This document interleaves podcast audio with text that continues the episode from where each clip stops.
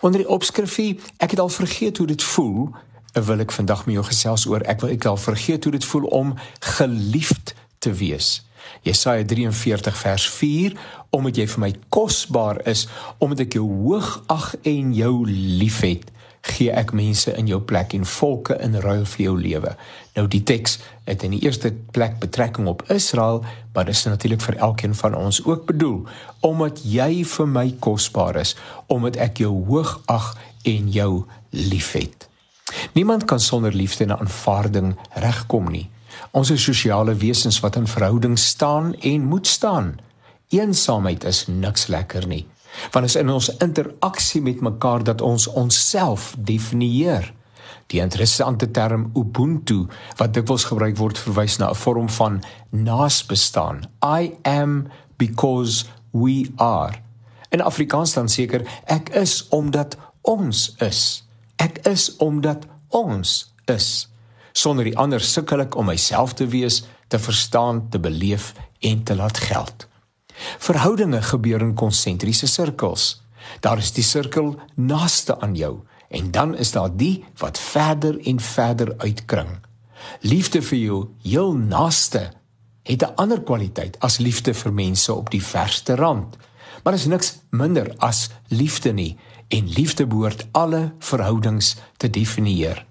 Trouwens die Bybel leer ons dat ons mekaar moet lief hê en dan soos wat Christus ons liefgehad het. Liefde wat op nie wat nie op die een of ander wyse terugvloei nie, is onbevredigend. Dis liefde en weer liefde. Liefde gee en liefde ontvang. Dis die twee kante van die munt. Sommige sukkel om liefde te ontvang. Wantroue maak dat ander mense nie vertrou word nie. Hulle moet 'n agenda hê, word geredeneer en gevolglik trek jy laar rondom jou hart. Ander voel dat hulle nie werd is om liefgehet te word nie. Dit kan natuurlik ook 'n vorm van hoogmoed wees. Die moordenaar aan die kruis word verseker van Jesus se liefde. Waarom dan nie jy nie?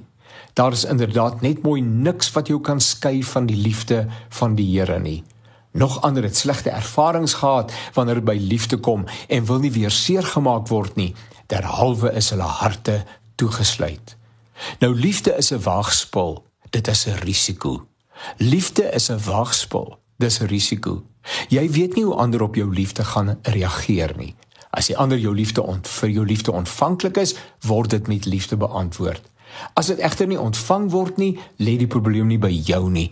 Moenie verwerping vir jou rekening neem nie. Die ander party moet daarmee deel. Liefde begin inderdaad by selfliefde.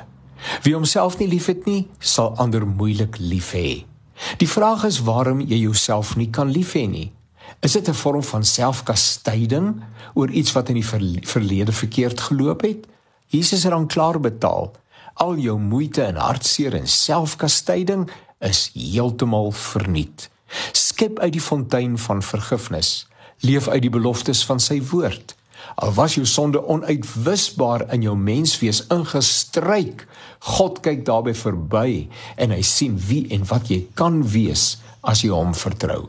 Dit laat my dink aan die woorde van die mooi lied. Weet jy dat Jesus jou liefhet? Weet jy dat hy baie van jou hou, sommer net soos jy is, want jy's kosbaar en waardevol vir hom.